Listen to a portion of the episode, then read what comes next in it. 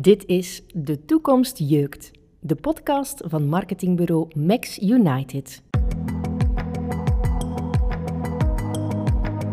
Kent u Soda Plus? Of hebt u al over een Soda-attest gehoord? De kans is klein. En dat is jammer. Want bedrijven smeken om goede medewerkers, maar blijven vaak afwijzend voor kandidaten uit wat men noemt de moeilijke doelgroepen. De missie van Soda Plus is om leerlingen, ongeacht hun sociale of economische achtergrond, grotere slaagkansen te geven op de arbeidsmarkt. In deze aflevering van De Toekomst Jeugd gaat Kurt in gesprek met Simon Mensaert, de oprichter en bezieler van Soda Plus.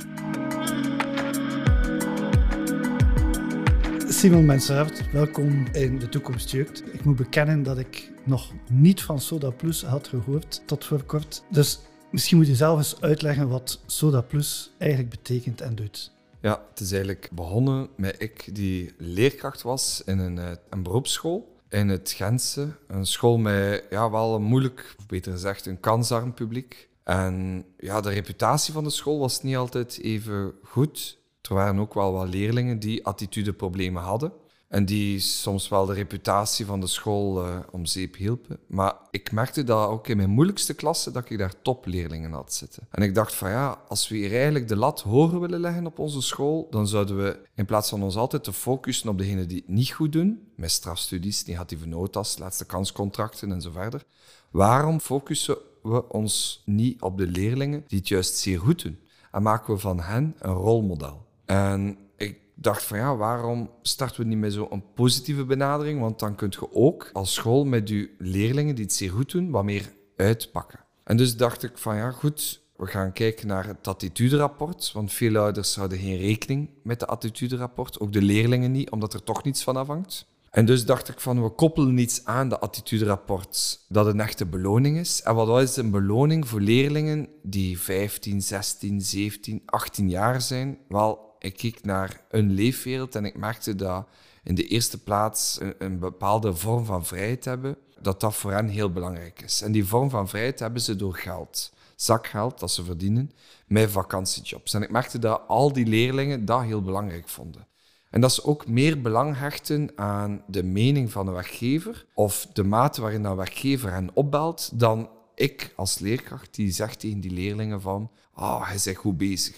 Dat is ook een compliment voor zo'n leerlingen, maar het maakt veel meer indruk dan werkgever hen opbelt. En dus ben ik ja, A plus B de punten gaan verbinden. En uh, dacht ik van ja, waarom geven we niet de leerlingen die ieder jaar uitblinken op vlak van stiptheid, orde, zelfdiscipline en in professionele attitudes, die leerlingen die het zeer goed doen, een SODA-attest. En met dat SODA-attest maken ze dan ook meer kans op vakantiejobs, weekendwerk, stageplaatsen en voltijdse jobs. Mhm. En we hebben nu al 1100 bedrijven die zich geregistreerd hebben, gratis op ons platform. En die kunnen via ons platform in contact komen, gematcht worden met die SODA-leerlingen. En dus die SODA-leerlingen opbellen en zeggen: Hallo, beste, ik zeg maar iets, Kenneth. Ik heb gezien dat je een SODA-test hebt. Ik wil u bij ons voor een vakantiejob of stageplaats. En als leerkracht merkte ik in de eerste jaren dat ik nog les gaf en met het SODA-project bezig was, dat die leerlingen daar enorm trots van werden. Hè. Je zag dat die kwamen de les binnen en die zeiden, ja meneer, ze hebben mij gebeld voor een vakantiejob. En dan zag de andere gasten in de klas kijken van, oh, oh, oh ik heb ook een vakantiejob, ze ook kan. En dan ook aan trots hè, van, uh, ja, voilà, Len, ik moet niet eens zoeken, zij zoeken mij.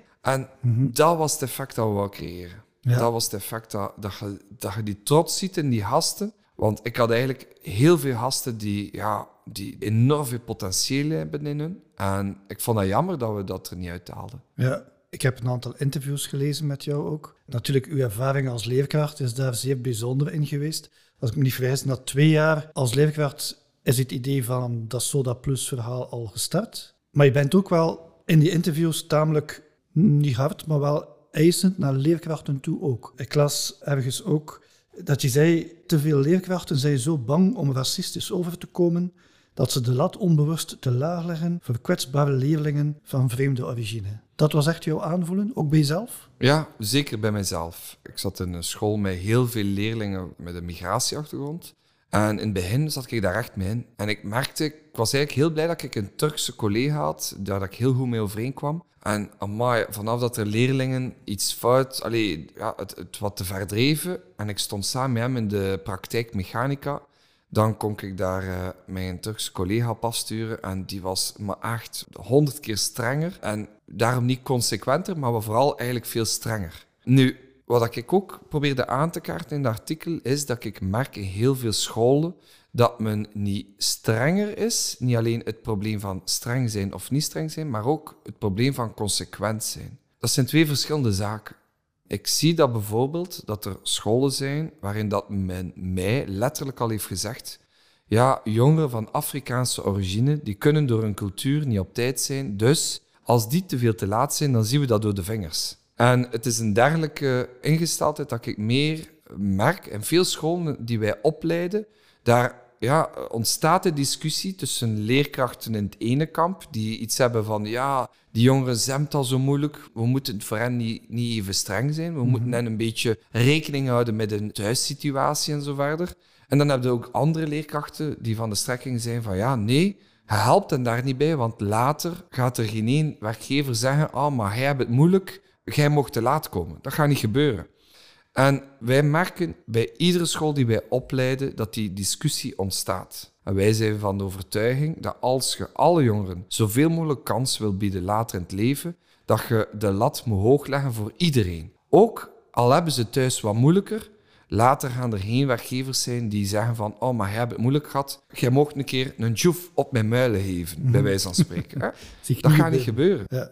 ja, maar het is natuurlijk een grote uitdaging. Ik denk nu wat over wat ik onlangs heb gezien, op aanraden trouwens van iemand van onze gasten hier in de podcast, Luc Keppens, ben ik naar de documentaire gaan kijken, de film Herr Bachmann und seine Klasse. Een echte aanrader van een Duitse leerkracht in een, een stad, in een middelbare school, vol leerlingen van diverse origine. En effectief, eh, die man was ook zeer streng wat steptijd en respect betrof. Maar wat ik daar ook toen heb gezien in die documentaire was de moeilijkheid dat wanneer het dan ging over thema's zoals respect voor de vrouw, de open mind ten opzichte van uh, homofilie en dergelijke, dat je dan ook die leerlingen hebt die eigenlijk ook met hun thuissituatie geconfronteerd zijn. Maar dan bijvoorbeeld, ik vraag me dan af, die attitude, iemand met zo'n SODA-attest, hoe ver ga je daarin? Betekent dat ook dat ik dan ook iemand in dienst neem die op dat vlak pluralistisch zal zijn? Of gaat het enkel over die stiptheid en die correctheid? Het gaat enkel over motivatie. Wij gaan ons niet bezighouden met politieke strekkingen of ja, visies of ideologieën. Ja. Dus ja, iemand kan perfect een SODA-test behalen en eigenlijk ja, tegen homo's zijn, bij wijze van spreken. Of, uh, ja, dat kan wel. Ja, dus dat is een lijn die... Ik heb dat ook wel ergens ook gemerkt op de school waar ik stond. Ik heb het gevoel dat dat soms ook een discussie is die nu in de maatschappij soms wat uit de weg wordt gegaan. Maar ik vermoed dat dat ook een andere discussie is, want het is zeker niets waar wij met VZW Soda Plus ons ooit op gaan begeven. Dus iedere uitspraak die ik zou doen, is dan louter een persoonlijke uitspraak. Ja. Het proefproject is intussen acht jaar geleden gestart. Inmiddels werken bijna 80 scholen en meer dan duizend bedrijven mee aan het SODA-project. Maar als ik iemand met een SODA-attest in mijn bedrijf aanvaard, wat mag ik verwachten als bedrijfsleider? Well, in de eerste plaats moet je weten dat wij over de afgelopen zeven jaar zien dat gemiddeld in Vlaanderen 40% van de leerlingen dat SODA-test behalen. Dus dat zijn eigenlijk de 40% meest gemotiveerde leerlingen. De grootste groepen van die leerlingen, als we in onze database gaan kijken en op ons platform, dan zien we dat de grootste groepen komen uit STEM, elektromechanica en zo verder, en uit de zorg. Dat zijn de twee grootste groepen. Nu, jij weet even goed dat STEM, elektromechanica en zo verder, net zoals de zorg, dat dat knelpuntrichtingen vaak zijn. En ja, als je een leerling hebt die een zeer goede attitude heeft en die er echt voor gaat, en die komt uit zo'n knelpuntrichting, ja, dan mocht je wel eraan verwachten dat die leerlingen niet veel meer moeten zoeken naar een job. Dus dat zijn meestal de leerlingen die op een vakantiejob of op een stageplaats al een job aangeboden kregen. En dus ik merk dat veel bedrijven nog niet goed beseffen dat ze eigenlijk via het SODA-project uit een andere vijver vissen. Je hebt de vijver van de mensen die nog op zoek zijn naar een job en die gaan naar de VDAB, die gaan naar Indeed, die gaan naar een interimkantoor of zo verder. En die zoeken zelf naar een job. Daarom verschijnen die op die platformen. Maar de leerlingen die wij, die bedrijven via ons platform kunnen vinden, dat zijn leerlingen die mogelijk nooit meer gaan moeten zoeken naar een job. En dus proberen we zo goed mogelijk onze bedrijven die op ons platform zitten, duidelijk te maken dat als ze die witte raven willen binnenhalen, dat ze wel echt gaan moeten een beste beentje voorzetten. Dat ze gaan moeten nadenken van oké, hoe kan ik hier een zo aantrekkelijk mogelijke vakantiejob organiseren of een, een zo leerrijk mogelijke stageplaats. Bij vakantiejobs bijvoorbeeld het uurloon is cruciaal. We merken dat er veel meer geklikt wordt op vacatures waar dat er een uurloon op staat. Maar wat niet veel bedrijven beseffen is dat bijvoorbeeld leerlingen ook heel fel belang hechten aan de mate waarin dat er andere leeftijdsgenoten werken op die vakantiejob of stageplaats. En daar pakken niet veel werkgevers mee uit. Wat dat e- eigenlijk even goed een grote troef had kunnen zijn. Ook de mate waarin dat leerlingen kunnen bijleren, ja, de afstand tot het werk of ervoor zorgen dat er goed vervoer is. Bedrijven die in de haven liggen zorgen dan vaak voor extra transport. Wat met die zaken uitpakken kan ook ervoor zorgen dat je die witte raven kunt binnenhalen. De witte raaf vinden. Dat is de droom van elke werkgever. Slimme ondernemers proberen goede werkkrachten zo vroeg mogelijk te detecteren, nog voor ze de schoolbanken verlaten. Net hier schuilt de meerwaarde van Soda Plus. Maar hoe pak je dat concreet aan? Eigenlijk moet je onszelf helemaal niet betalen. Want in de eerste plaats betaalt je ons in natura. Je helpt ons door die leerlingen te contacteren of die leerlingen toffe vakantiejobs en leerrijke stageplaatsen aan te bieden. Dat is de eerste hulp die je ons biedt. Van de 1100 bedrijven zijn er maar een vijftigtal bedrijven die ons financieel sponsoren. Maar je kunt ook sponsor worden door niet financieel te sponsoren. Door feedback te geven over SODA-leerlingen die bij u een vakantiejob of stageplaats hebben gedaan. En als je, afhankelijk van de grootorde van je bedrijf, genoeg feedback hebt gegeven in dat jaar over SODA-leerlingen, wel, dan krijg je die sponsorvoordelen gratis. En dan kun je ook via ons systeem gematcht worden met SODA-leerlingen of die contactgegevens van SODA-leerlingen downloaden. Oké, jullie zijn echt een VZ2. Er zit geen verdienmodel achter. Maar je kunt ons sponsoren. Hè? Dus er zijn 50 bedrijven die ons project sponsoren. Soms omwille van de recruteringsvoordelen, meestal eigenlijk. Ja. En er zijn ook bedrijven die gewoon zeggen: Wauw, zo'n tof, mooi project. Attitudes vinden wij enorm belangrijk. Wij geven u gewoon, ja, wij doneren u geld, zodat jullie VZW leerlingen kan motiveren, directies en leerkrachten kan coachen en wetenschappelijk onderzoek kunnen verrichten. Oké. Ehm, ik zag ook in jullie raad van bestuur, dacht ik, zag ik namen als een Wouter Torfs. Ik ga ervan uit dat binnen zijn bedrijf heel wat mensen met een SODA-attest dan ook de werk gesteld zijn. Nee, eigenlijk dat niet. Huh? Ja, omdat Wouter Tors heel goed de boodschap heeft begrepen. Hij zorgt er namelijk voor dat hij als werkgever zo'n goede reputatie heeft. Hè? En zo een aantrekkelijke werkgever heeft, is dat hij eigenlijk sowieso al heel veel mensen spontane sollicitaties over de vloer krijgt. En die kan eigenlijk heel gemakkelijk selecteren op personeel. En ja, ik denk dat hij vaker selecteert en zoekt naar mensen met wel wat verkoopervaringen. En, maar, maar hij zou dat natuurlijk wel doen met een, een soda-leerling. Maar het is niet dat hij nu uitzonderlijk veel meer soda-leerlingen gaat binnenhalen dan, eh, dan de andere Ja. sponsors. Nee. Maar ik denk wel dat mochten meer bedrijven het doen zoals dat Wouter Torfs het doet, dus maken, voluit inzetten op en ervoor te zorgen dat je een aantrekkelijke werkgever bent, dan kun je, als je ook soda-leerlingen wilt binnenhalen, veel meer soda-leerlingen binnenhalen. Zonder dat je eigenlijk moet sponsoren of iets. Ja. Volgens mij betaalt het zichzelf terug daar ja, tijd en energie in te steken. Mooi. Wat leggen voor jullie nu de grootste uitdagingen? Is het in het verhaal van het onderwijs of is het in het bedrijfsleven? De uitdagingen voor ons liggen in de eerste plaats nog in het coachen van de directies en de leerkrachten. Wij halen eigenlijk heel veel data binnen uit feedback van leerlingen die zich inloggen op ons platform en feedback geven over de werking op hun school. Maar ook de werkgevers die kunnen via ons platform feedback geven over de ervaring die zij hadden gehad met een leerling. Ik heb het daarnet gezegd, op die manier kunnen ze zelf de sponsorvoordelen krijgen. En al die feedback gebruiken wij om jaarlijks een rapport te maken per school, zodat wij aan iedere school kunnen tonen waar dat ze sterk in zijn en waar dat ze nog in kunnen groeien.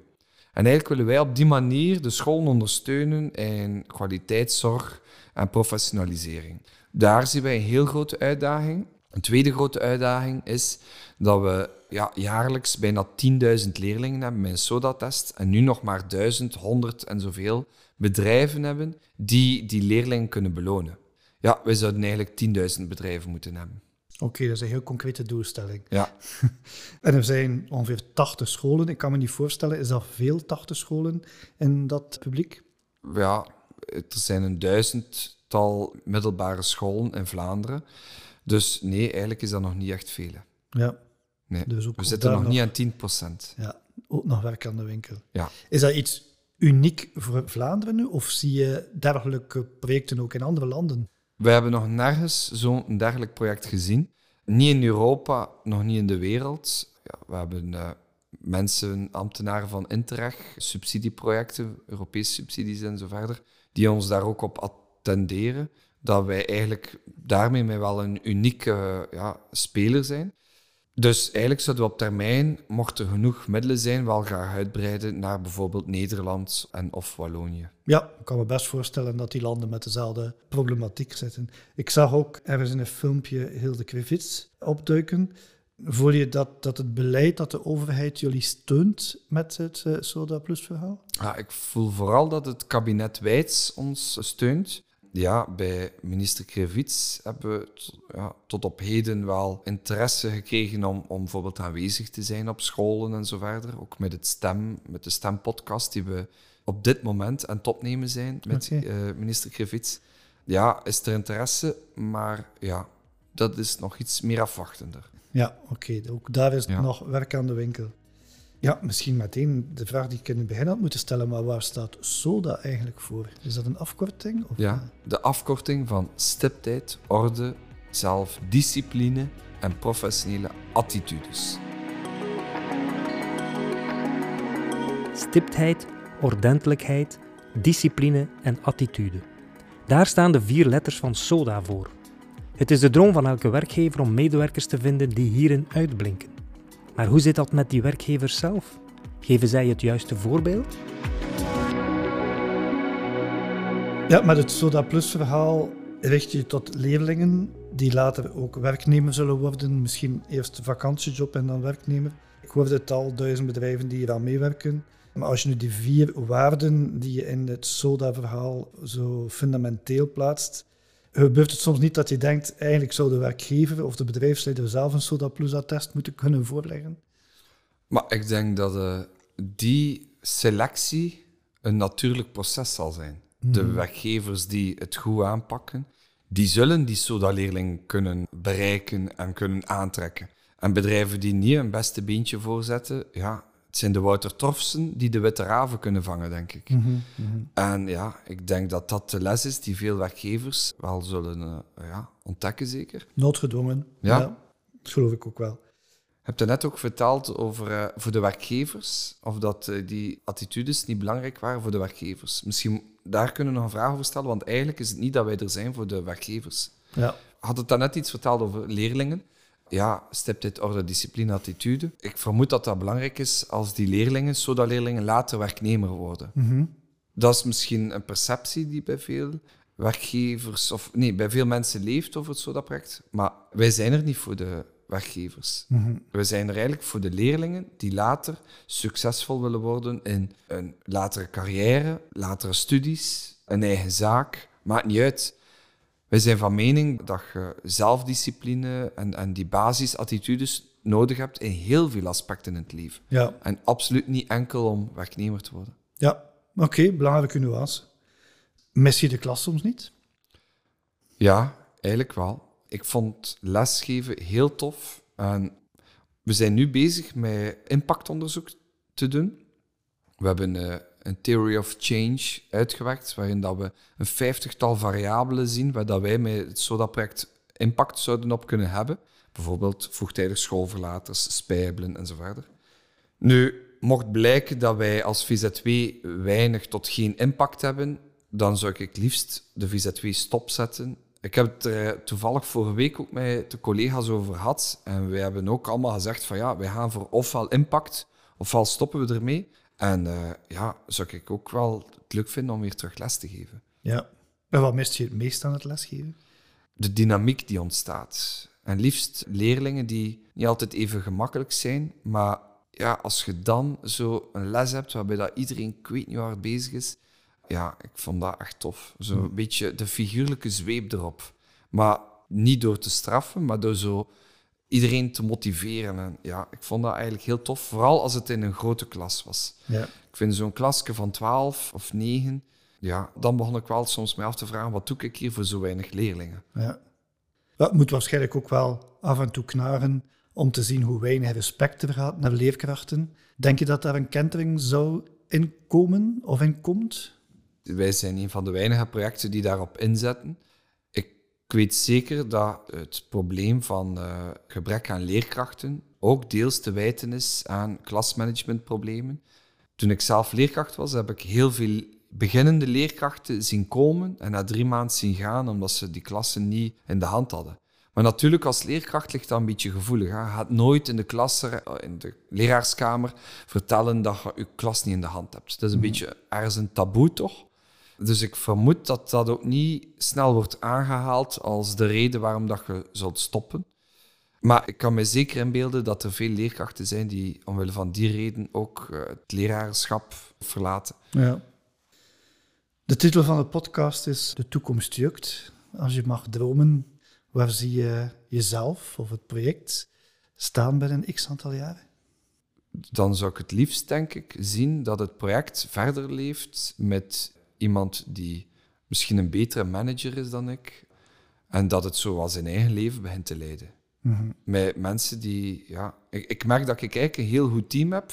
Ja, en ik ben gewoon de persoon die het initiatief heeft genomen. Maar ik zou het toffer vinden mochten er alsmaar meer professionele mensen in dat format verder het uitwerken. En dat we, ja, als ik mag dromen, dat we ja, 50% van uh, het Vlaams onderwijs kunnen uh, motiveren. En dat we ook, dat is nu een nieuwe uh, side quest of een nieuwe hobby van mij, dat we ook ervoor kunnen zorgen dat leerlingen uit het TSO-BSO, die veel minder deelnemen aan het verenigingsleven in Vlaanderen, bijvoorbeeld jeugdbeweging, telt maar 4,8% uit BSO-leerlingen, dat we die SODA-leerlingen, die vaker uit TSO-BSO-scholen komen, kunnen belonen met gratis events in dat verenigingsleven. Mhm.